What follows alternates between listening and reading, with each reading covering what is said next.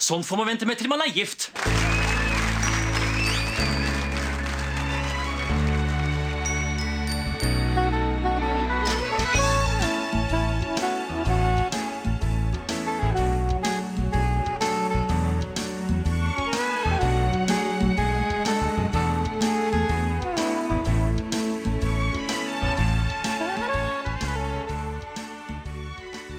Hallo, velkommen til en ny episode av Norsk film filmpodkast. Podkasten hvor vi ser norsk film med et kritisk, men kjærlig blikk. Mitt navn er Emil. Jeg sitter her som alltid med. Stefan heter jeg. Dette her er en av de episodene vi har gått litt bort fra filmen og over i TV-seriens rike. Hva er det vi har sett i dag, eh, Stefan? 'Nissene på låven', regissert av Espen Eckbo og Christian Ødegaard. Det er eh, aller første dag i desember og 24 dager igjen til jul. Her på denne låven er vi klare til å ta imot 24 forventningsfulle mennesker. Her inne skal de leve som nisser i hele førjulstiden. Og det innebærer at de må iføre seg rød frakk, topplue og skjegg, og kun klare seg på grøt, godteri og nøtter i 24 dager. På julaften vil en gavesekk på én million kroner deles ut til vinnernissen. Det er klart for nissene på låven.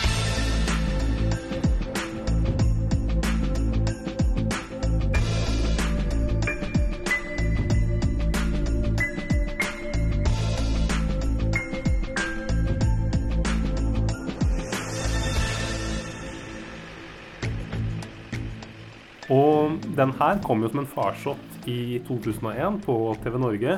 Og er en julekalender med et litt sånt reality-preg. Og planen her var jo egentlig at uh, dette her skulle være en julekalender, eller en reality-serie på lik linje med reality-serier som Big Brother, Robinson. Altså med liksom ukjente deltakere i uh, liksom, som var med. Men det ble det ikke. Det ble heller en humorserie. Det er liksom kjente, en slags mockumentary der kjente skuespillere, eller komikere, spiller ulike roller. Du har jo virkelig et sånn dream team av Norges komielite på det- denne tiden. Altså. Så det her, hvis vi virkelig skal se én serie for å liksom få den der tidlig 2000-tallsnostalgien Fabergé-egg, som jeg pleier å si. så, altså, så er det denne. Og det følger jo kanskje litt sånn opp fra Boys Voice-prosjektet til Espen Eckbo, som var to år tidligere. Også der så tok man jo parodiert en veldig sånn kjent sjanger. I Boys Voice så var det jo både rockumentary-sjangeren og boyband-sjangeren. Mens 'Nissene på låven' så er det på en måte reality-serien som Eckbo og co. behandler. Eh, Jeg husker veldig godt at 'Nissene på låven' gikk på TV. Jeg tror jeg så hver eneste episode. Eh, Hva med deg, Stefan? Så du på det? Eh, Jeg så på det da det var helt nytt, og jeg har jo sett det. Kjøpte DVD-en seinere og, så det liksom flere ganger. Kan- jeg kan faktisk ikke huske hvor mange ganger jeg har sett det her, men nå begynner det å bli eh, Ja, det begynner å bli jævlig lenge siden. Så nå var det, det var gøy å få gjens, et gjensyn med det her. Og det er jo det, det, altså Man kan jo bare starte enkelt og greit her. For det, foregår, det foregår da på en låve. 24 nisser skal bo på en låve sammen her. Og så er det hver dag så kommer det da liksom nye sånne oppgaver som de skal løse. Og så får du eh, Så, får du, så er det sånn hvert, hver dag så er det sånt låveting der en av deltakerne blir stemt ut. Stemt ut, ja. Vi kan jo Og- kanskje gå litt sånn mer i detalj inn på seriens gang. Litt sånn Det kan vi gjøre, men dette, dette er litt som, eh, som liksom i en, eh, en Ja, en, en eh, års, eh, årsstudiumsoppgave som du gjerne skriver når du går på årsstudium. At du må lage et sammendrag først, og så, måte, så begynner du liksom med introen og forskning, og så kommer du til konklusjon. Så her er det lille sammendraget før vi ruller i gang. Ja. For jeg, jeg Nisselokomotivet. den, den, den serien som eh, 'Nissene på låven' kanskje minner mest om direkte, er vel Robinson-ekspedisjonen. Mm. I Robinson også så har du dette her, det er sånn konkurranser. Og så er det taperlaget som må ut i øyeråd da, på Robinson-ekspedisjonen. Og så er det én person som blir stemt hjem. Ja. Og akkurat samme struktur er det vel 'Nissene på låven' også. Og det det at uh, hver stemme er liksom hemmelig, så vi vet, det skaper jo også sånn uh, et, uh, liksom en, en, en spenning, for du vet ikke hva de ulike deltakerne har stemt, og så blir det skapes det allianser, da. Ja. Splid. De sitter, de sitter i et sånt der låveting, og så kommer de liksom bort til kamera, og så tar de vel og skriver navnet til, på den de har lyst til å stemme ut, i sånn hvit melis på en pepperkake. Og så legger det i kakeboksen, og så teller stemmene opp til slutt. Og den som får flest stemmer, ryker da ut av konkurransen. Det er på en måte gangen i serien. Og så har du to lag. Du har gråskjeggnissene og hvitskjeggnissene som kjemper mot hverandre i disse forskjellige konkurransene. Og Gimmicken her da er at denne gjengen skal leve som nisser på den låven i hele førjulstiden. De må ha på seg nissedrakt og skjegg og hele pakka. Og de skal overleve, overleve på grøt, godteri og nøtter.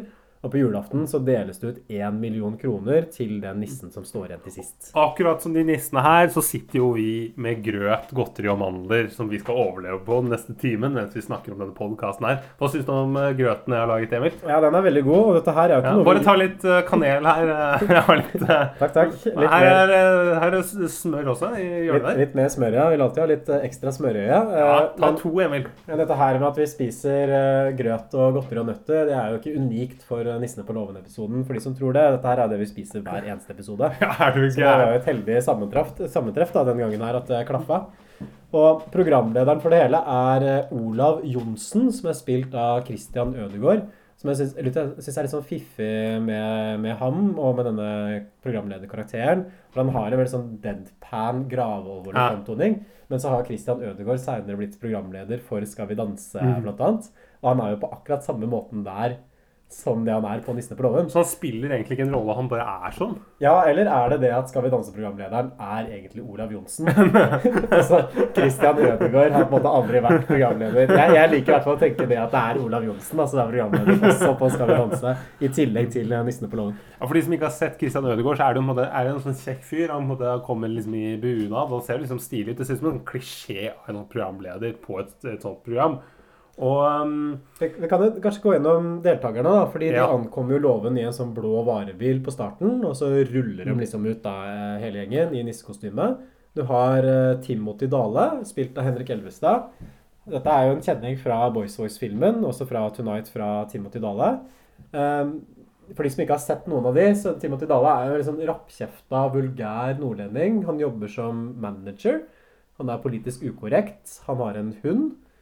Eh, jeg syns, for å være ærlig, at Timothy Dale kanskje er den beste karakteren på Nissene på laven, syns jeg. Du var ja, litt uenig Nei, jeg er ikke, jeg er ikke enig. Jeg, jeg, jeg, jeg syns han er sterk. Han er, han er nok i topp tre-sjiktet. Men jeg, jeg syns kanskje Elvestad noen ganger overspiller litt. Men det er jo, liksom, det er jo gøy med disse her eh, liksom kåtsekk-referansene med sånn eh, Han snakker jo liksom om, om damer med liksom at eh, ja, liksom da fikk han uh, kjente jeg, liksom, Da fikk jeg bo, eh, liksom, kjente jeg i bonusen og liksom Å, hun har liksom svære kassaapparat og Det er liksom den derre Og det er, det er moro. Det Hun er, hun er jo en vandrende Viagra-pille. jeg jeg syns ikke Elvestad overspiller i det hele tatt. Og det er kanskje fordi at jeg, jeg så liksom Henrik Elvestad først i den rollen her i flere år. Så jeg syns alltid det er sånn rart å se Henrik Elvestad når han ikke er Timothy Dale. Jeg forbinder han, jeg forbinder han mer som Timothy Dale enn som Henrik Elvestad. Og jeg syns også karakteren liksom er sånn flerdimensjonal og troverdig. Mm. Det er noen andre av de karakterene som er, er liksom troverdige, syns jeg. Og kanskje den beste av dem er eh, Tom Lund, spilt av Eivind Sander, vår favoritt. Ja. Hva kan vi si om eh, Tom Lund? Rørlegger, eller Elektriker. elektriker, faktisk, fra, fra Bjørkelangen, tror jeg. Og han, han er på en måte Han er liksom sånn eh, prototypen på liksom Han har droppa ut av skolen. Han er liksom voldelig. Er på en måte Det er- kommer jo åpenbart fram at han, liksom, han har, han har banka opp eks, eller kona si, og så har det blitt ekskone. Og drar liksom også litt sånn vulgær fyr som eh, drar liksom referanser til at han, han, blir ofte, han føler seg ofte flau på TV fordi at uh, nå sitter gutta hjemme og liksom runker og ser en pornofilm, og så får de liksom uh, Må de se på meg som synger julesanger på TV. Jeg føler jeg, jeg ble driti ut. Og, og liksom Ja, du merker han sånn voldsmann. Ja, men, men er det også med han at han er på en måte veldig sånn bøllete og røff, og på en måte ganske sånn usympatisk figur, egentlig. Kanskje enda mer nå i dag Mm. enn det det var i 2001 da serien gikk. Men samtidig så har han liksom noe sånn der, veldig sånn sårt ved seg, for du Ja. merker liksom på han at han, han vil egentlig være en bra fyr, tror jeg. Ja, Men han bare får det ikke til. han Liksom. starter i begynnelsen liksom at han skal lage grøt til alle for å være hyggelig og liksom spre god stemning. Og du, måtte, og du merker det med barna. Han vil være en god far, men det, liksom, det ender med at de begynner å grine når han kommer. Og, Ja, og Eivind Sander er jo også kjempegod i den rollen. Og ja, fantastisk. Vi syns jo begge Stefan, at Eivind Sander er en veldig underbrukt skuespiller. Og jeg, jeg syns kanskje Det er kanskje litt sånn synd å si det, men jeg føler at Tom er nesten sånn den beste rollen som Eivind Sander har spilt. For her får han virkelig visa, altså liksom fra Mm. alle sider. Han gir så mye, og det er vanskelig å se på en måte grensa mellom skuespiller og karakter på en måte, i den rolletolkningen. For han er liksom så under huden da, på den karakteren og spiller ham så liksom, Det er så mye detaljer i spillet. Det er veldig sånn, finkorna karakterportrett. Det er, den- det er jo for meg den definitivt den mest troverdige karakteren. Og det er jo en grunn til at han kommer videre til finalen. At de bruker ham så lenge. For det er mye å spille på. At han dukker opp i disse senere seriene også.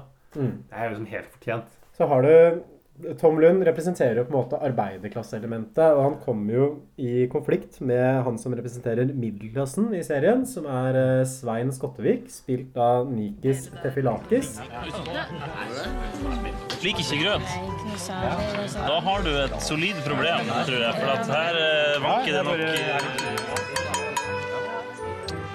Ja, folkens, jeg foreslår at vi tar en uh, liten uh, presentasjonsrunde. jeg. Eh, jeg kan jo begynne, jeg. Jeg heter eh, Svein Skottvik. Jeg heter Svein Skottvik, er eh, 39 år og er lærer ved Jansløkka ungdomsskole.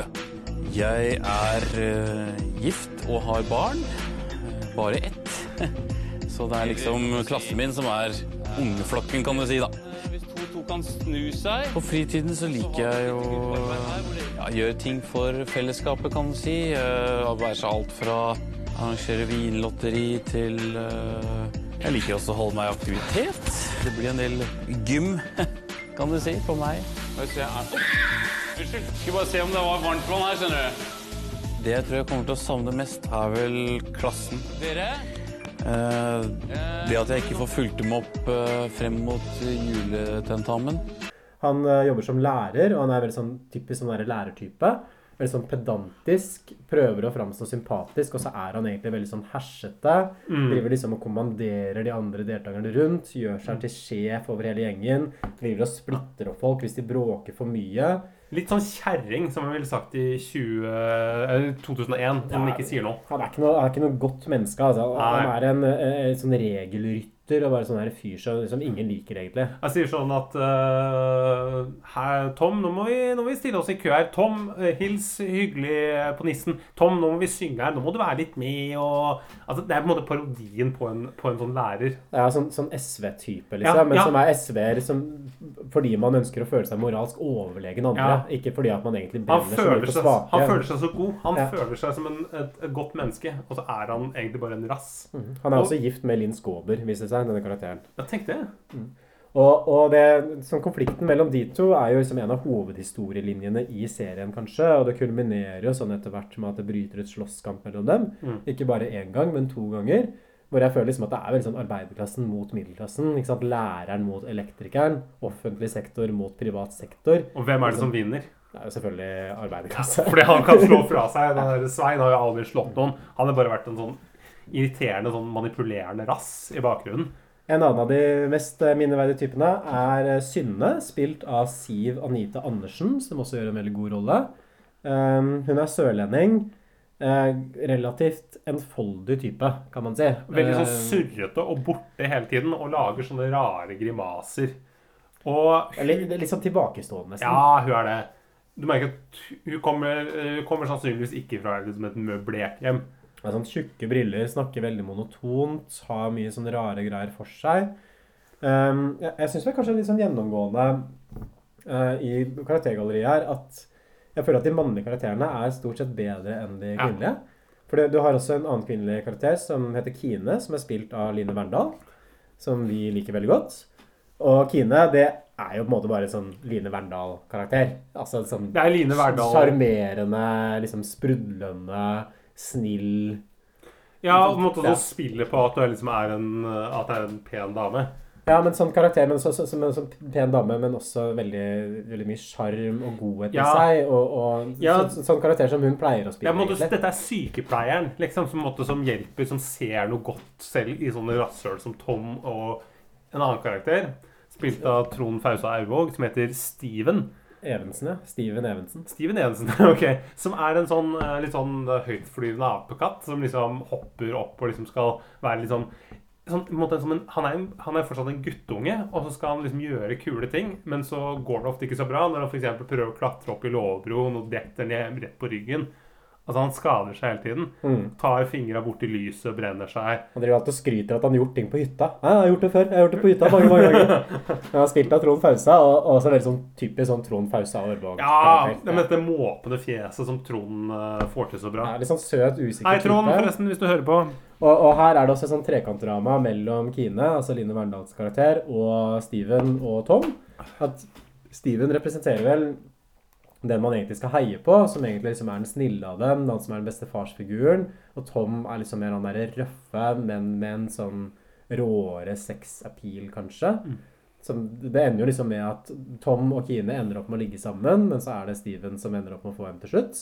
Mm. Vel å merke da etter at han har blitt lam etter en ulykke inne på låven der. Og den, den, jeg syns jo ikke, jeg synes ikke Steven-karakteren er så veldig sjarmerende, han heller. Han virker jo bare som en sånn egoist som bare liker å, liksom, å gjøre akkurat det han vil, og som ikke greier å tenke konsekvenser. Ja, altså Sjarmerende typer skal man vel generelt lete langt etter i Espen jo sitt univers. men det er én som er sjarmerende, uh, og det er jo vår alles Asbjørn Brekke. Så det Ja, jeg, navnet, er, navnet er Asbjørn Bekke.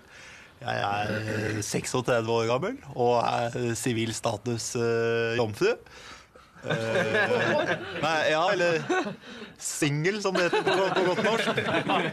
Uh, jeg, er, jeg bor i en leilighet eh, som jeg har for meg selv nå, for min mor er flyttet på pleiehjem. Så da har jeg mye frihet. Kjent fra talkshowet Asbjørn Brekke. Liksom Utallige TV-serier. Denne karakteren har jo blitt dyrka både i huet og ræva. og Vi begynner å bli litt lei av han. Ja, det, for det, det, det må jeg si med en gang. Asbjørn Brekke, litt outplayed, spør du meg. Jeg synes at Ja. Den karakteren der er overvurdert. Det har på en måte blitt Espen Eckbo sin mest kjente karakter. Jeg er ikke enig i at det er den beste Det er, bare at, det er bare at alle kan like en fyr med liksom høreapparat som lesper litt, og som, måte, som er veldig ensom, og som sier liksom plumpe ting og sier at i stedet for at han er singel, sier han at han er jomfru, f.eks. Altså, det er på en måte, og det å, å, jeg blir så glad i han. Men nei, nå, det er nok, nok Asbjørn. Det blir litt sånn der gullkorn fra barnemunn Ja. med Asbjørn Brekke. Det er jo for, for øvrig den gjenstanden uh, lærer Svein tar med seg. Uh, for alle skal jo ha med seg personlig gjenstand inn, på, uh, inn i låven her. Og Svein har, har med seg da boka 'Gullkorn fra barnemunn'. Vi kan jo kanskje si litt mer om Asbjørn, bare for å beskrive han litt mer. Eh, for han er litt sånn naiv, barnslig type. Han har eh, bodd hos moren sin hele livet. Moren er nå på sykehjem. Så han er litt sånn Elling-aktig også, bare litt sånn uten de mer sånn sosiopatiske trekkene som det Elling har. Ja, og kanskje eh, enda mindre velfungerende. Ja. Han er ganske alkoholisert, eh, drikker mye rødvin. Det er en sånn interessant sketsj med Asbjørn Brekke fra før 'Nissene på låven'. For Espen Eckbo hadde vel sånn program på TV Norge, tror jeg, hvor mange av disse karakterene først ble introdusert. Mandagsklubben med Var det ikke det? Ja, og i den sketsjen så er den Asbjørn Brekke-karakteren veldig mye mørkere enn det den er på 'Nissene på låven'. For det er vel en sånn greie der at liksom Asbjørn drikker seg veldig full, og så går han julebukk. Og oppfører seg litt sånn truende mot de andre eh, liksom, De han liksom går til Eller på julebukk til, da. Så jeg syns kanskje liksom til å være Espen Eckbo, så føler jeg at 'Nissen på låven' er sånn relativt avslepet. At en del av de der mer sånn misantropiske, mørke sidene har på en måte blitt litt sånn slipt vekk akkurat her. At det er litt koseligere enn det han pleier å være. Ja, for det, den karakteren er jo bare koselig. Det er jo ikke noe, det er jo ingenting liksom banebrytende eller vondt med han. Det, det, det er jo i motsetning til den andre karakteren som er spilt av Espen Eckbo, som er Rino Tue. Ja, eh, som er eh, Alle vitsene med han Han er på en måte verdens mest sånn kritiske og misfornøyde fyr. På en måte- Surpomp. Su skikkelig surpomp. Eh, skinna. Navnet er Rino Tue, jeg er 28 år og kommer fra Oslo. Eller bor i Oslo. Kommer fra Ås egentlig, men flytta inn hit for å jobbe for tre år siden. Og nå jobber jeg på Statoil på Alexander Kiellands plass, nattskift. Grunnen til at jeg jobber nattskift, er at eh, da kan jeg bruke dagene på det jeg har mest lyst til. Det er å drive med musikk. På fritida spiller jeg et band som heter eh, Gestapo Sportsverein. Vi har gitt ut uh, til sammen to CD-er. Eller ikke gitt ut, men vi har brent to CD-er med til sammen nesten 140 minutter musikk. Jeg har aldri smakt alkohol. Det har jeg aldri hatt behov for. Hvis jeg er på fest, så drikker jeg heller uh, Villa, f.eks. Det ser helt likt ut og smaker bare mye bedre. Jeg tror ikke det er rom for å få seg noen venner på låven sånn sett. Man er der i egenskap av fiender. Mitt livsmotto er at du er min fiende inntil det motsatte er bevist. Og den bevisbyrden, den ligger på deg. Og alle vitsene på møte med han går jo på at han er eh, At han er skinna. Han vet ikke hva krølltang er. Han eh, blir fornærma fordi noen sier at han er hårsår. Hvordan kan han være hårsår? Så han har ikke noe hår. Jeg hadde aldri hørt det uttrykket før, så han tar det personlig. Så Det synes jeg, jeg syns jo han representerer oss som er skalla på en veldig dårlig måte. En veldig dårlig ambassadør for oss. For du er vel på telefonen til TV Norge og PFU og skal klage dette portrettet? det er stigmatiserende? Jeg syns dette er stigmatiserende mot en hel gruppe, eh, må jeg bare si. Jeg kommer til å Jeg vil jo få dette kansellert med en gang. Det er litt sånn interessant med, med Rino Tue, for at, at jeg er jo veldig usympatisk karakter. Han spiller i et sånt band som heter Gestapo Sportsverein, er overholdsmann, har som motto 'Du er min fiende inntil det motsatte bevisst'. Og bevisbyrden, motto, og bevisbyrden ligger på deg. Men han er liksom prototype på sånn snøflak som føler seg sånn støtt og forulempa overalt, og som tar litt sånn mikroaggresjoner, kaller man det jo nå. At liksom når folk bruker feil ord, eller kanskje slår an en vits, eller formulerer seg liksom uheldig, så representerer det et sånt angrep på deg. Som man gjerne snakker om kanskje mer på sånn identitetspolitiske venstresiden nå i dag. Jeg føler at Rino Tue er et liksom tidlig portrett av hvor galt det kan gå, da. Hvis Ja, man er lever den, livet sitt han er den den typen du ser nå, bare en, uh, bare en litt annen drakt. Jeg, jeg, jeg, jeg ser jo for meg at det er litt sånn mindre Ja, ofte litt andre typer folk som kanskje ikke er eh, har så aggressiv utstråling i utgangspunktet. Vi kan jo kanskje gå inn eh, gjennom litt flere av disse karakterene. Jepp, vi må gå videre, og det har er eh, Einar Slyngstad, blant annet. tidligere Det, det, det syns jeg er veldig morsomt. Det er kjempegøy. Einar Slyngstad er jo sånn tidligere NRK-ansatt. Som både jobba i Dagsrevyen, spiller seg sjøl, og som driver og sjefer litt rundt med de andre deltakerne eh, hele tiden og liksom får dem til å hente kaffe og sånn. Og Timothy Dale er ikke fornøyd med dette her, for han mener at Einar har en fordel, men har kameratekke, som ikke det han har. Han har jo en fordel av kameratekke. Ja, det- de- han blir stemt ut da relativt tidlig i serien. Dette er sånn parodi på sånn NRK-karakter. Sånn godslig, hyggelig. Kommer fra sånn by, liten bygd på Sunnmøre som heter Slyngstad, selvfølgelig. Nei, nei, nei. nei. Haram. Haram. Haram, ja. Ja, men, men i serien så sier de at han kommer fra Slyngstad. ja. For det, jeg leste, han kommer fra Haram. jeg, jeg leste på Wikipedia-siden sier Einar Slyngstad mens jeg så serien. da. Men lever Slyngstad Nei, men han ble født i Haram, og så døde han i Haram.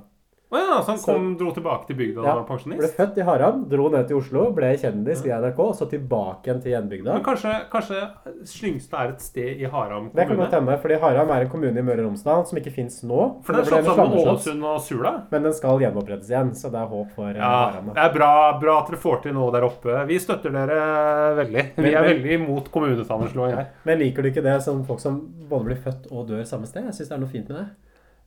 Det er litt kjedelig. Men du kan Hvor kunne du tenkt deg-. Du er født på Nesodden, men hva er det beste stedet å dø da?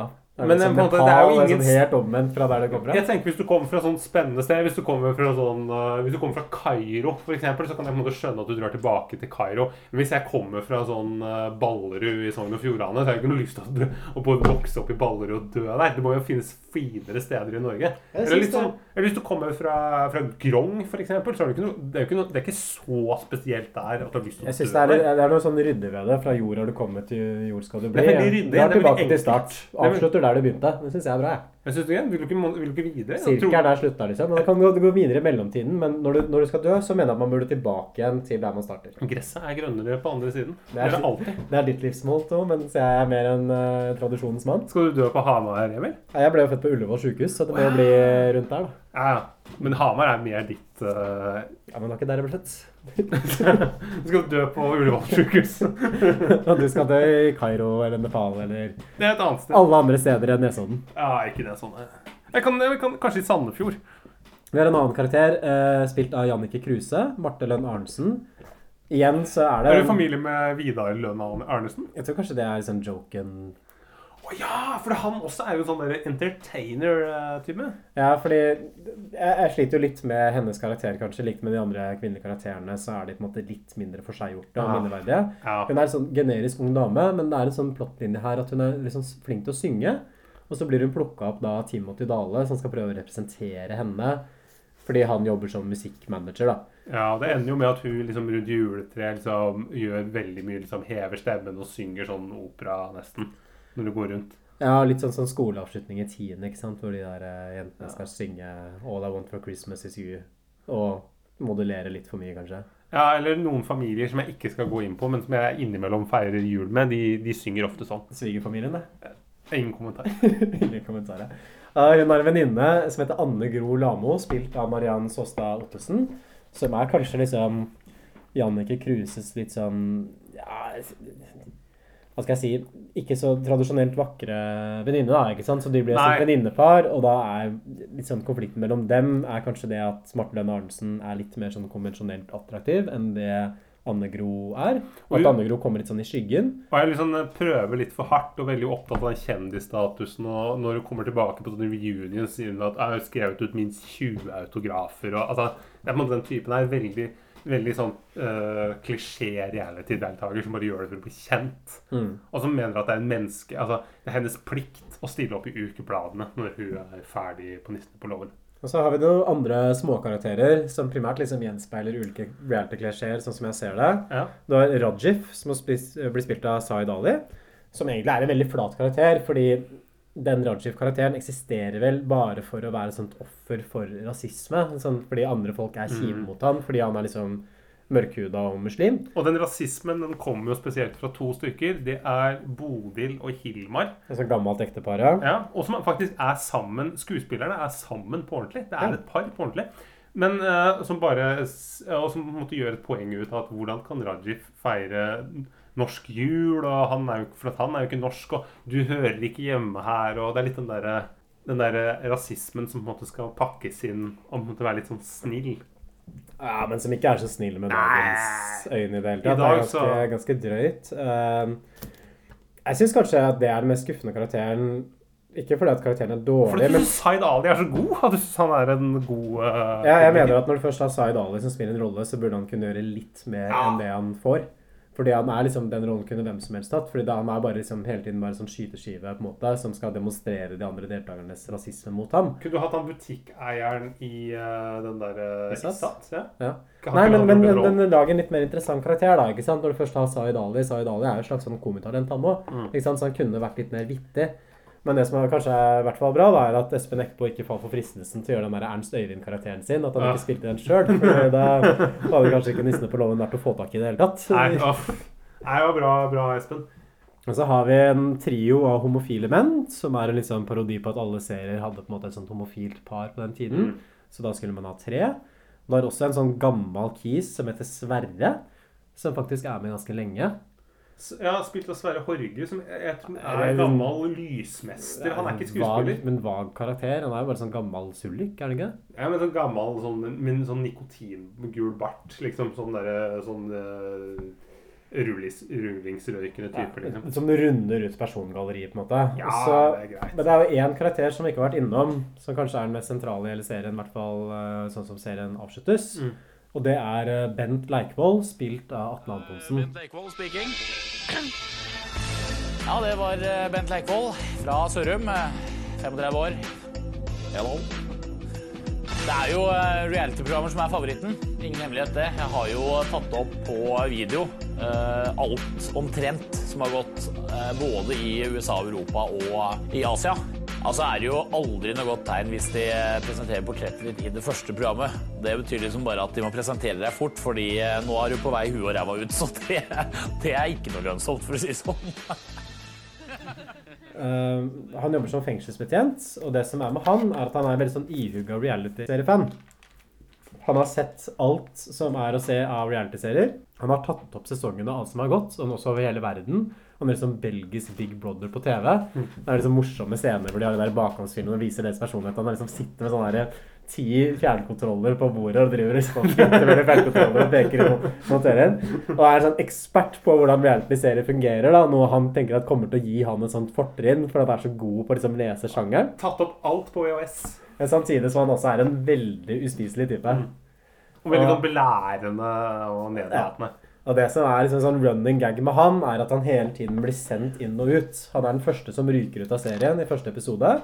Og, og etter hvert som folk blir eh, eliminert av liksom ikke-seriemessige årsaker Hvis folk trekker seg, og så er det vel en deltaker som henger seg på et eller annet tidspunkt også. Han Johs, som blir ferska Ja. av Rino i onanere, så tar han livet sitt. Han sier ingenting, så jeg har ikke noe forhold til Johs. Og da kommer alltid Bent Leikvoll inn igjen, fordi regelen i Nissene på låven er liksom at den første som blir sendt ut, av en eller annen grunn, er den deltakeren som skal komme inn igjen da, hver gang det skjer at en eller annen deltaker må forlate serien av liksom uventede årsaker. Så var det mandelen. Jeg tar det. For meg å velge lag sånn, sånn helt til starten altså Jeg hadde på en måte ikke rukket å bli kjent med noen. Så for meg så ble det mer å gå etter de fine damene. Fin Fine i trynet og feit i kassaapparatet. Det er det, det, er det jeg liker.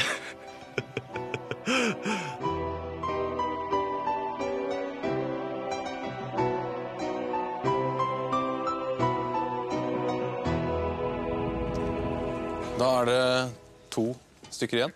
Ja. Den av dere som ikke blir valgt nå, må forlate loven i Ja. kveld. Spennende. ja, det er jo det. Det er jo klart det er morsomst å bli valgt. Timothy, du kan velge videre. Ja, det er jo faen meg ikke lett, dette her. En av dere må jo hjem. Herregud, jeg må bare ta et valg. Det Ja, og det, du er jo fremmedkulturell. Med de ulemper og fordeler det fører med seg. Så har vi han der med det store hodet. Tiden begynner å renne fra oss. Ja, jeg tar han uh, deg. Altså, du fremmedkulturell. Du er med i gjengen. Velkommen.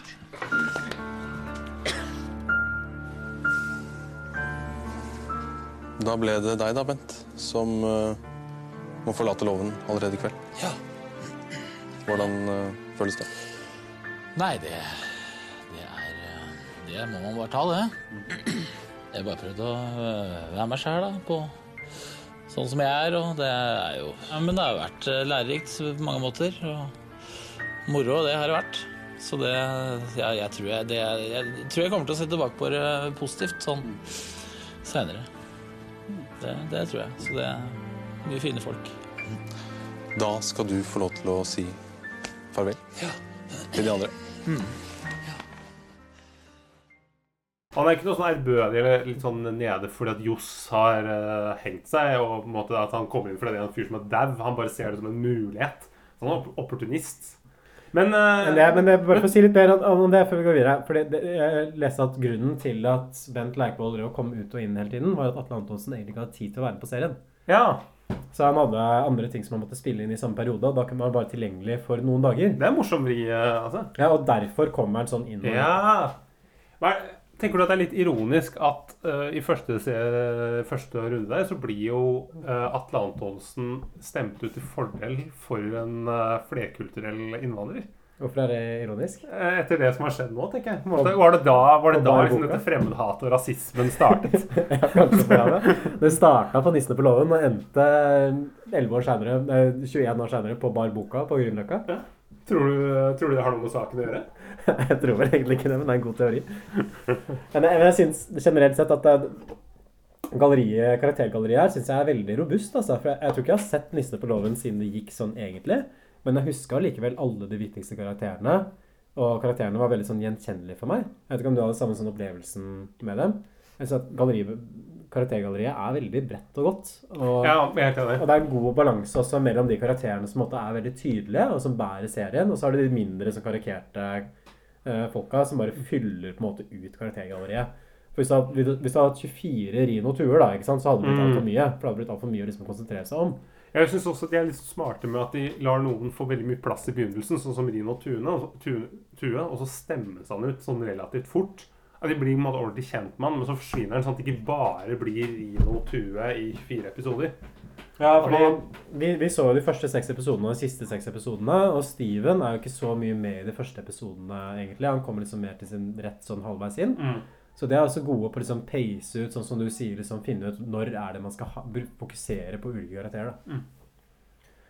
Ehm, konkurransen begynner med at de tar en sånn mandel i grøten-konkurranse. og Da får man to lagkapteiner for de respektive lagene. Du har Gråskjeggnissen og Hvitskjeggnissene. Og lagkapteinene blir da Timothy Dale og hun Synne, da. Og Timothy han går etter de fine damene når han skal velge laget sitt. De som er fine i fjeset og solide i kastapparatet. Jeg gikk etter de fine damene. Og så er det til slutt han som må velge mellom Bent og Zaid Ali. Og så Erna sier det. Vi kan kanskje klippe det inn, så slipper vi å si Ja, vi gjør det. Vi gjør det. Og så har du han med det store hodet. Det er altså, han med det store hodet. Altså Bent er han som ikke blir valgt. Man sitter forventningsfull og på en måte tror at han skal bli valgt. Altså, Utvikle liksom serien seg at disse bor i hver sin camp, akkurat som i Robinson-ekspedisjonen. ikke sant? At de bor på hver sin side av en øy. Og så får de ulike oppgaver som har liksom med jula å gjøre. De får sånn oppdrag som pynt låven, ikke sant. Med, Fordi til jul, for da den 7. desember så kommer eh, bonden. Og det er liksom der vi kjenner igjen fra Farmen, ikke sant? når storbonden kommer. Eller mentor, eller hva faen han heter. Og så møtes de til nissekamp hver episode, og så får de ulike oppgaver som også har noe med jula å gjøre. I andre episode for eksempel, så skal de matche gaver med familiemedlemmer. Så du Mm. får liksom en liste over gaver, og så skal du finne ut ok, slips, skal det til far eller til mor? Eh, lekebil, skal det til mor eller skal det til sønn? Og så skal de finne ut hvilket familiemedlem som skal Sleiv skal det til mor eller far eller eh, bror. Mm. Her er vi jo, Dette er veldig stereotypiske sånne eh, kjønnsroller her. Det man kan jo være at mor ønsker seg bilbane og motorsag, og dag far ønsker seg sleiv og stikketøy. I dag kunne man ikke ha gjennomført den utfordringen der. Det ah, sånn som fysj. folk holder på med genderbending og queering, og, og det er bra. Ja, det, det, er veldig fint. Vi støtter det. Vi er, i fall, vi er i hvert fall ikke imot det. Vi er heller ikke for. Vi er bare helt uh, nøytrale, vi. Vi mener ingenting. kjønn, så er vi nøytrale. Ja, vi, er, vi liker alle kjønn. Og her er det Rino eh, er den som blir plukka til konkurransen, og da vinner eh, den andre, fordi Rino veit ikke hva en krølltang er. Han mener vel at det er et, sånn, et verktøy som man bruker for å krumme avløpsrør, er det ikke det han sier? Så han gir det til far. Ja, jeg veit ikke hva en krølltang er, fordi han er skalla, ikke sant? Han han har ikke peiling på noe som har med hår å Jeg synes det var ganske god Veit du hva en krølltang er, Stefan? Nei, jeg har ikke hørt om det. Så de ville også gitt den til far og trodd at det var et verktøy. Jeg synes det hørtes ut som en god idé å bruke den til å krumme sånne, eh, sånne eh, avløpsrør som kobberrør. Kjempesmart. Hva med rette, rettetang, er ikke det det heter? Uh, nei, det, det har jeg så vidt vært borti, faktisk. Så jeg, det Og det bruker man til. er ikke dette rette avløpsrør, da? Ja, det er rette av avløpsrørene.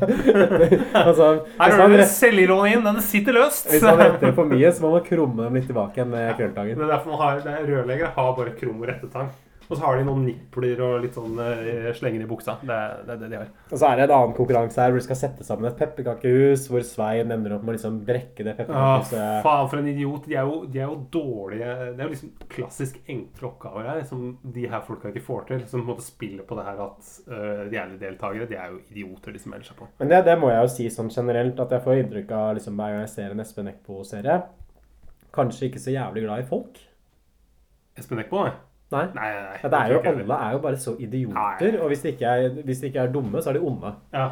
Det er liksom to typer folk. Asbjørn Brekke er liksom kanskje det beste mennesket sånn rent sånn moralsk på serien, Mm. men han er jo det for, liksom, for at han ikke veit Man er dum, men det er, det er aldri noen som både, både er smarte og liksom sympatiske samtidig. Det tror jeg faktisk aldri har vært borti noen Espen på TV. Kanskje Roar i Boys Voice. Jeg syns kanskje sånn unntaket i akkurat 'Nissen på låven' vil jeg si er Toms karakter.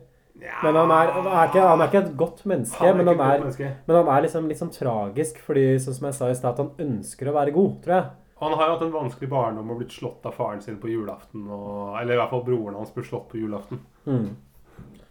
Eh, det kommer jo også liksom fram i serien hvordan det ble laget. fordi mitt, eh, så vidt jeg vet, da, så ble manuset til serien skrevet veldig sånn underveis. At de hadde veldig dårlig tid da de produserte den. Så de måtte nesten lage liksom sånn episode til episode. Eh, For meg så fungerer det egentlig til seriens fordel, for det, det blir liksom lett og ledig. At det blir Mm. ikke så jævlig sånn overplotta og for overkomplisert, hvis du skjønner hva jeg mener. Det er veldig, eh, det er en serie som jeg syns gjør seg veldig godt når du ser én og én eller eh, episode hver dag. Hvis man ser tolv på rad, sånn som vi gjorde, så Ah, fungerer det kanskje ikke så, så bra. For det er jo på en måte det samme greiene om igjen. Det er liksom, det er en standardplott for hver runde. Det er jo på en måte De, de våkner, de får en ny utfordring. Eh, lager lage pepperkakehus. Pynte juletre. Skru på lyspærene på juletre. Altså det veldig eh, Synge julebukk. Altså Og så er er det- Samme opplegget hele tiden. Men det er veldig, veldig kompakt og fint, altså, stort sett. Men det er noen av de historielinjene også som jeg føler blir latt, dratt litt sånn vel ut. Sånn som den konflikten mellom Svein og Tom, f.eks. Mm. For den er vel her i første episode. Og så, ser vi, så hopper jeg liksom over de tolv i midten, for vi skal bare se de seks siste. Akkurat samme som det var i første episode. Så de terper og terper og terper på den, så det blir litt vel Bare sånn tynt. Uh, jeg synes kanskje, Hvis jeg skal være litt mer kritisk, så vil jeg si at det som jeg syns fungerer dårligst i serien, er kanskje det som har mest med reality-format å gjøre. Mm. F.eks. disse konkurransene, og spesielt det derre låvetinget. For låvetinget er jo som regel nesten sånn halvparten i hver Mm. episode, og der er det jo ingenting morsomt som skjer. Men det er jo litt sånn det er i reality òg. Tenk liksom på Paradise Hotel. Hele liksom, den torsdagsepisoden er jo bare Halve episoden er jo bare når de sitter Ja, det, er- det er jeg enig i, men, men, Iglesias der og liksom på Jeg vet, vet faen hva de holder på med, men det er men jeg føler kanskje allikevel at det drar ut tiden litt. Jeg får iblant det inntrykket da, når jeg ser på Nissene på låven, at de prøver å fylle ut episoden. Ja, ja. Men Men det, det- gjør du jo i ordentlig reality òg. Jo, ja, men, ja, men jeg syns kanskje jevne Mm. Men, men forskjellen med Paradise Hotel da, da, men Der står det i hvert fall noe på spill, da, fordi det der låvetinget så veit du at det er jo skripta og ønska ut. Ja, øh, Så det blir ikke så men- interessant som ja, det er men det, det, er jo, det skal jo være ekte reality. Vi skal jo, vi skal jo tenke at karakteren er realistisk, og at Timothy Dale f.eks. er en ekte person. Mm. Eller Jannicke Kruse. Eller hva for Vidar Lønn Arnesen. Eller hva det er. Marte Marte Lønn Arnesen. Det er også en naskenisse som kommer inn på slutten av programmet. eh, som viser seg å være Geir Børresen. Ja, og en eller annen rar grunn så greier de bare etter et par episoder å gjette at det er Geir Børresen, som jeg syns er ganske søt. Ja, for at Tom Lund drømmer om at det er Geir Børresen. Mm. Men her altså er det vel tydelig at her måtte de bare finne på et eller annet. Tror du ikke? Jo. Og det blir jo vanskeligere og vanskeligere å lage episodene etter hvert som det blir færre og færre karakterer igjen nå. ikke sant? På slutten der så er det jo bare Asbjørn og Tom som sitter igjen. Jeg synes det er morsomt at sier, sier jo Geir Børresen kommer med en fun fact. Han sier at han var naken inni Max Mekker. Mm. Det, det er jo gøy. Apropos Geir Børresen, han døde jo tidlig i år. Ja. Det er- Geir Børresen kjent for å ha vært inne i drakta til Max Mekker på Sesam stasjon. Lampetuss og liksom masse sånne dokkegreier. Han Er sånn, hvorfor, hvorfor er det en sånn egenskap? For jeg tenker at Hvem som helst kunne jo egentlig vært Labbetuss eller Max Mekker. Men tror du han lager Max Mekker-stemmen, eller tror du den andre lager den? I så fall så er jeg ikke noe veldig imponert. er. Men jeg må dubbe det i ettertid, for du får ikke liksom mikrofon, Eller er det mikrofon på innsiden av Max Mekker-drakta? Jeg tror, må dubbe det ettertid. Ja. Men kanskje, hvis, hvis, han, hvis han det i ettertid, så syns jeg det er litt imponerende. Hvis han bare sitter inne i kostymet der naken, så er det ikke så veldig imponerende. Det er litt sånn som de der maskottene da på Tusenfryd eller på sånn Rosenborg-kamper som går rundt som trollkostyme og sånn. Det kan hvem som helst gjøre. De leier jo sånne 16-åringer til å gjøre det. Jeg har en venn av meg som heter Anders. Hei, Anders. Som jobba på Lekeland. som var sånn der, ja, Lekeland Leos Lekeland. Leos Lekeland, ja. Og da var det en del av jobben at man måtte te- kle seg ut som dragekostyme. Og liksom gå rundt og, og liksom være med barna, da. Så de liksom skulle være med den maskotten. Og det var så kjipt, fordi når de var aleine, når det var få barn der, så var alle veldig redd for dragen. Men når det var en hel gjeng, så skulle de liksom rotte seg sammen så sånn Ja, vi tar dragen! Vi tar dragen!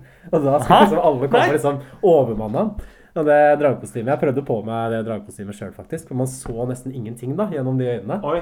Det var litt sånn skummelt, egentlig. Og plutselig ble vi angrepet av en hel haug med ulike barn som uh, girer opp på sukkerspinn og slush og Men barn, barn blir jo ikke gira opp av sukker. Det viser jo nyere forskning. Dessuten, liksom, hva var det Hvordan fikk han i timen for det? Å prøve på Leos lekeland? Nei, det må vi nesten spørre han om. Jeg tror ikke det var sånn voldsomt mye. Føles som en drittjobb. Ja, det tror jeg det var.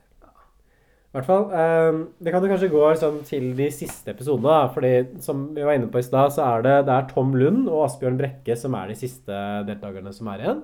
Altså Eivind Sander og Espen Eckbo. Og i episode 22 så får man liksom bakhistorien deres, som i typisk Espen Eckbo-stil er veldig tragiske. Tom er konebanker og synes livet sitt er patetisk, nyskilt pga. det. Det kommer frem seinere at faren hans var alkoholisert og voldelig, så dette er snakk om vold som har reprodusert seg gjennom generasjoner. Ja, det klassiske liksom eh, at det er synd De som er slemme, de er det av grunn fordi de har hatt det vanskelig. God jul. God jul. Ja. Asbjørn, Asbjørn Brekke, han, han er liksom uh, ensom, uh, har ikke hatt noen venner da han var liten, har uh, vokst, oppvokst med en eh, Mora var 56 år da vi fikk ham, og Faren var gått 78. opp i 70-åra, så faren døde da han var veldig ung. Mora ble og mora ble dement da han gikk på videregående skole. Så siden det så har han egentlig bare måttet ta vare på henne. Nå er hun på gamlehjem, så da sitter han bare aleine og drikker. Alene. Ganske trist uh, skjebne, det òg. Og i episode 23 da, så kommer liksom de tidligere deltakerne inn, og da skal de stemme over hvem som skal bli årets nisse mellom Tom og Asbjørn.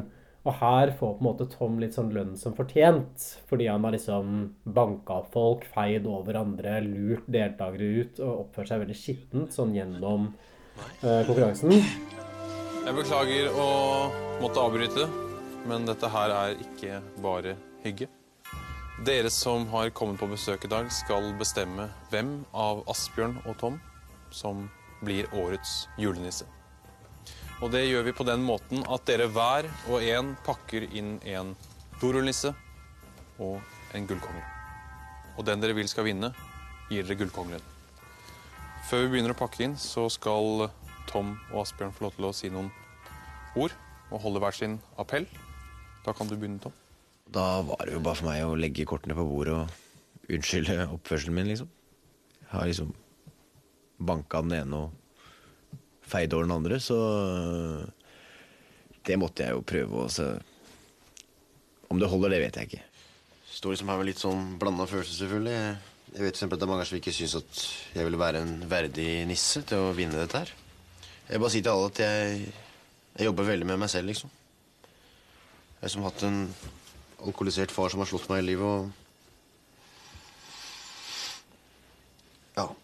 Det var egentlig det. Ja, mine damer og herrer. Jeg har aldri før møtt så mange så mange mennesker. Jeg har jo aldri holdt tale før i hele mitt liv, så jeg var jo ganske nervøs da jeg skulle begynne å snakke til eh, den store forsamlingen. Men så kom jeg på at jeg hadde planer om å invitere til eh, sånn der gjenforeningsfest. F.eks. andre juledag, tenkte jeg på da. Er ikke det sånn familiedag, da? Hmm? Det er sånn familiedag, det, vet du. Kanskje litt tidlig? Det er kanskje litt tidlig, kanskje bedre en gang ut på nyåret at vi tar første nyttårsdag, f.eks. At vi samles hos meg til nyttårshopprenn og Skal vi holde av første nyttårsdag alle sammen? Ja. Greit. Eh, Bortsett fra Timothy, som stemmer på Tom, for han sier at det byr ham imot å stemme på en nisse med høreapparat og taleverk. Og på selveste julaften så har de en siste konkurranse, som er en mandel i grøten-konkurranse. Dette her blir et stort problem for Asbjørn Brekke, fordi han har nøtteallergi, som han har skjult for de andre deltakerne gjennom hele konkurransen, fordi han mener at dette her ville vært diskvalifiserende. Her er ikke Asbjørn så veldig lur, fordi de som ville diskvalifisert han, er jo så for produksjonen. Mm. Han sitter jo og snakker om dette her i intervjuene. Så produksjonen Mm. vet jo. Så hvorfor de sender inn en mandel i grøten, det må i så fall være at produksjonen heier litt mot Asbjørn, kanskje, tenker jeg da. Gjør det mer spennende.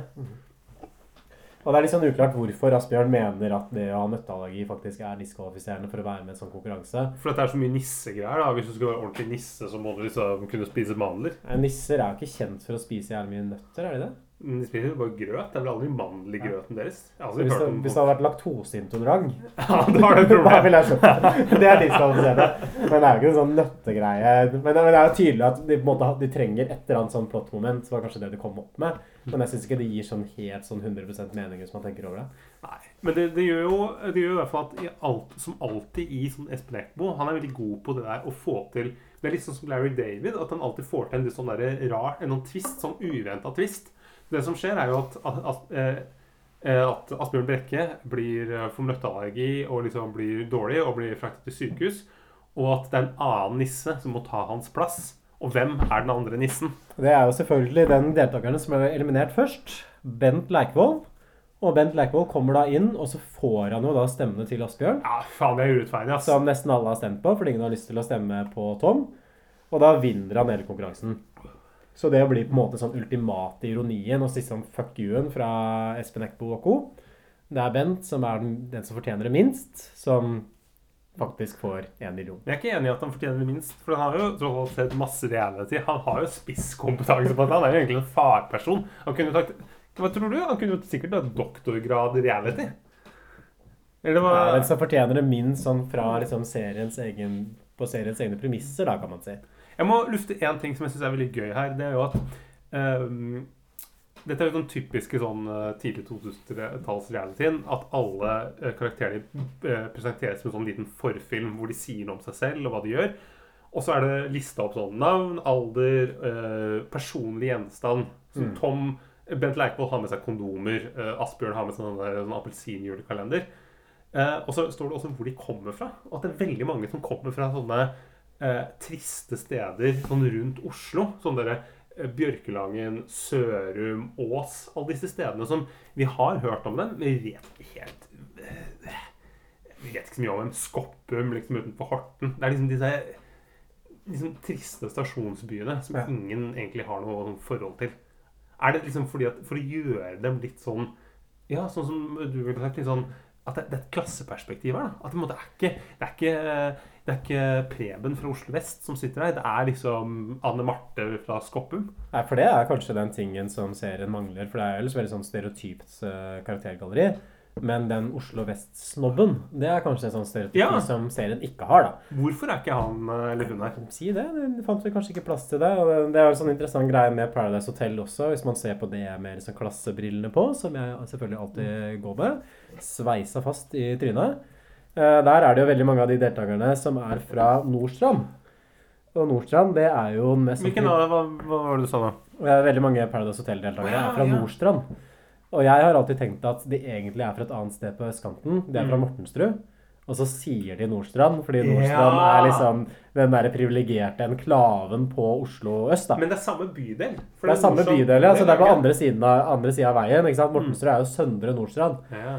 Så altså, ser du også på yrkene til folk, at det er jo mye sånne merkantile yrker. Sånn selger, markedsfører, jobber i butikk, eh, den type ting. Salgsrådgiver er vel noen eh, gjennomgående. Men jeg vet ikke sånn, i hvor stor grad at det er sånn poeng som Nissene på låven ønsker å gjøre, eller om det er mer en sånn ja, se på de teite folka her som kommer fra Fettsund og sykkelbud. Men eh, tror du ikke Jeg tror det er ganske gjennomtenkt. Tenkt, fordi at én en karakter som ikke kommer fra sted, er jo nettopp Svein Skottvik. For han er lærer på Jansløkka eh, ungdomsskole. Eller Jansløka Jansløkka skole. Det ligger jo i Asker.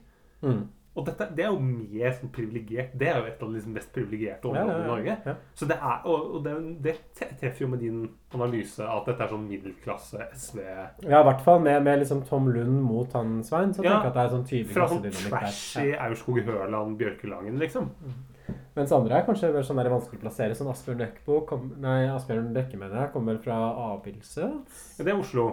Så det er sånn Det er en eh, sånn nondescript bydel som Ja. er ver, i, verken eller, liksom. Det er på en måte en rekkehus og eneboliger, liksom. Mm. Og har blitt dyrere den gangen, så var det helt sånn Ja. det er øst, sørøst. Jeg syns personlig, kanskje liksom, for å ta det tilbake igjen til uh, dette her med Bent, da, liksom at han vinner eller er dritten Jeg syns kanskje det Bent-elementet er et av de svakeste elementene i serien. At han om- vinner det? Ja, altså Atle Antonsen er jo liksom god i den rollen, men det blir liksom for dumt det der når han kommer sånn inn og ut hele tiden, og at han liksom vinner også på slutten, hele greia. Det føles litt for forced ut, hvis du skjønner hva jeg mener? Ja, At det blir sånn kramp, tungent, da. Sånn, ja, er ikke det funny, liksom? Han fyren som ble sendt ut i første episode, og så er det han som vinner til sist. Og så er det også veldig rart at imellom der så er det en gang Bent ikke kommer inn, for da kommer maskenissen inn isteden. For da har Bent vært inne så mange ganger. Hvorfor kommer ikke da en ny Ja, det, er, det er veldig lite troverdig at en faktisk reality-serie ville ha gjort det på den måten. De vil jo- Sånn, det er hatt en omstemming, da. ikke sant? Hvis Bent kommer inn, så må de gamle deltakerne komme inn på nytt. Så det er jo helt urimelig at Eller Bent at- bare får Asbjørn sine stemmer. Ja, eller at Asbjørn Han ligger jo på sjukehuset, men hele greia er jo snart Er jo egentlig unnagjort. Han har jo fått Ja, det er jo siste, ja, ja, siste kan Bare... Hvorfor kan ikke han vinne på sykehuset? Ja, så kunne de vist litt sånn, litt sånn som da Klaus Hagerup hadde kreft. At de måtte vise liksom At Dagbladet var inne og tok bilder av ham liksom, da han lå i, i sykesenga. At de kunne gjort sånn med liksom Asbjørn Brekke også. Ja, det, de der, bare der viste han sier i du det. på Det er veldig spesielt at du blir diskvalifisert i siste episode når du egentlig har vunnet, fordi konkurransen har jo vært. Ja. De sitter jo bare og venter på at tellene skal telles opp. At stemmene skal telles opp. Ja, er alt Så er seieren er jo allerede hans. Han har jo vunnet. Ja, han, for han trenger ikke å gjøre noe mer nå. Så, så, sett kamerateamet inn liksom, på Ullevål sykehus, der hvor du er født, og så uh, film liksom, den han ligger der med den nøtteallergien. Ja, for det har de vel til og med også på slutten av serien. At de, for de filmer jo Asbjørn Brekke på sykehus, gjør de ikke det? Så kamerateamet er der. Jo, så hvorfor? Helt uh, Nei. Ja, det, blir, det blir litt troverdig for meg, da. Jeg, jeg, liksom tror ikke at Hvis dette hadde vært en ordentlig reality-serie, så ville ikke TV Norge løst det på den måten. Nei, Jeg tror ikke det. Jeg syns det er en sånn artig detalj også, fordi når eh, Bent Leikvoll vinner, så går han liksom rundt og krem, klemmer crewet, og så så du at han klemmer Espen Eckbo på slutten der.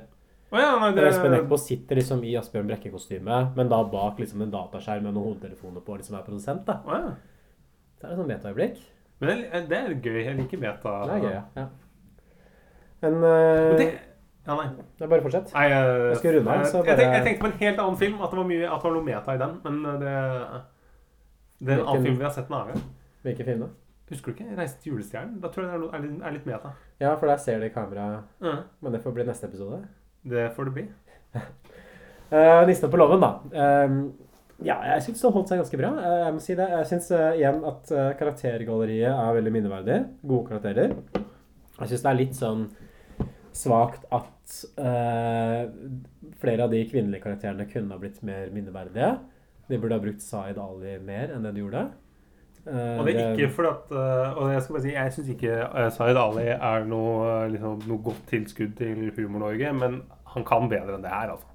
Ja, men han er jo en bedre skuespiller. Han er bare indirekte Amanda-nominert. Fordi Hæ, har vært Amanda nominert! Ja, for er Emil Marva ble jo nominert for ah, ja. Isat-hovedrollen, og der er det jo Zaid Ali som dubba Det er han som faktisk uttaler replikkene, så da tenker jeg på en måte at Zaid Ali er sånn indirekte nominert, da.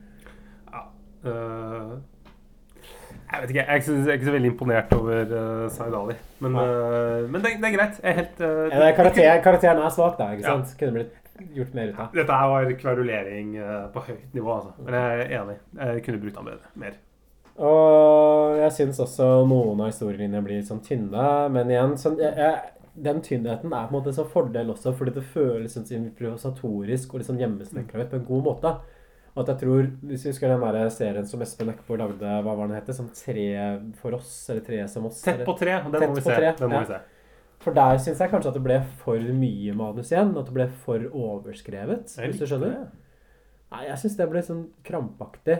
At liksom, det er en person som har brukt for mye tid da, på Mm. skrivingen. Så alt skal på en måte henge sammen med alt annet. Litt sånn som Robert Stoltenberg, de smellene han gikk på rett etter borettslaget. Her gjorde Det han som det. var bra, ja, sånn der hundehjørnet var det Jeg, ikke synes, jeg likte han der øh, Frank Robert i hundehjørnet. Nei, men det var ikke like bra som borettslaget. Jeg tror Det som gjorde at borettslaget funka, da, i likhet med Niste på laven, var nettopp at det var ikke så jævlig Nei, gjennomarbeidet. enig. Og at, han- og at det nærmeste er en kuk, tenker jeg at det er det som gjør borettslag også. Ja, du kan jo sammenligne oss liksom med Team Anton også, for eksempel. Det var vel også et sånt pro- program som måtte lage i full fart, hvor de hadde veldig dårlig tid. Og det er til seriens fordel, for det var ikke så mye tid til å tenke seg om, så man bare måtte liksom følge magefølelsen, og da blir ofte resultatene bedre, syns jeg. da. Men øh, ja, er det noe mer du har lyst til å si? Nei, eh, jeg tenker vi går rett på karakter, ja. Eh, og jeg gir Det er vanskelig. Jeg gir nok en, en solid firer til det her. Jeg tror jeg droppa samme sjø. Ja. Hva er din begrunnelse? Eh, Det liksom- det er sterkt eh, rollegalleri, og jeg setter liksom veldig, jeg setter veldig pris på Tom Lund, som jeg syns er den beste. Jeg syns også at Svein er veldig morsom. Men problemet mitt er at det blir liksom for gjentagende. Det blir liksom det samme om og om igjen. Du følger liksom de samme plottlinjene igjen. Men balansen mellom disse liksom, karakterene som, som liksom ikke er så framtredende, og de som er litt mer personlighet, det, det funker veldig godt. Og så er det vel kanskje et eller annet med, som er sånn risiko hvis man legger seg på en sånn parodisjanger også, at det fort blir litt sånn datert. At det der med reality-TV-parodier var veldig sånn fresht i 2001. Da reality-serier Mm. nettopp hadde kommet. Ja, for det er det. Det Men nå i dag så er liksom, det er så veletablert at liksom hva som er teit med reality-serier, på en måte. Og man har hatt så mange sånne lignende parodi, parodier senere, så det føles ikke så nytt ut lenger. For Jeg husker liksom Da nisseprogrammet kom, så var det sånn oh, wow, er det noen som kødder med reality-TV? Sånn, tenk det, liksom. Det er litt som å komme nå og si at uh, sosiale medier At det er bare folk som bare vil vise seg fram og være frampå. At det handler liksom om å markedsføre seg selv. Ja. Og jeg syns det blir litt mye, så jeg gidder ikke å være med på sosiale medier. Sånn der, ja, du vet Facebook-venner, er de egentlig vennene dine? Nei, jeg gjør det sosiale medier. Det er litt sånn usosiale medier, spør du meg. Men men det- det- så parodien føles litt vel sånn utdatert som, eh, ut, jeg sier som eh, kommunedirektøren der hvor jeg jobber, eh, som sa så godt at eh, digitale verktøy, de har kommet for å bli. Skal vi sette strek der? Ja. Ja, vi gjør det. Takk for oss. It's Christmas Eve and I've only wrapped two fucking presents. Christmas Eve and I've only wrapped two fucking presents. And I hate, hate, hate you cause I hate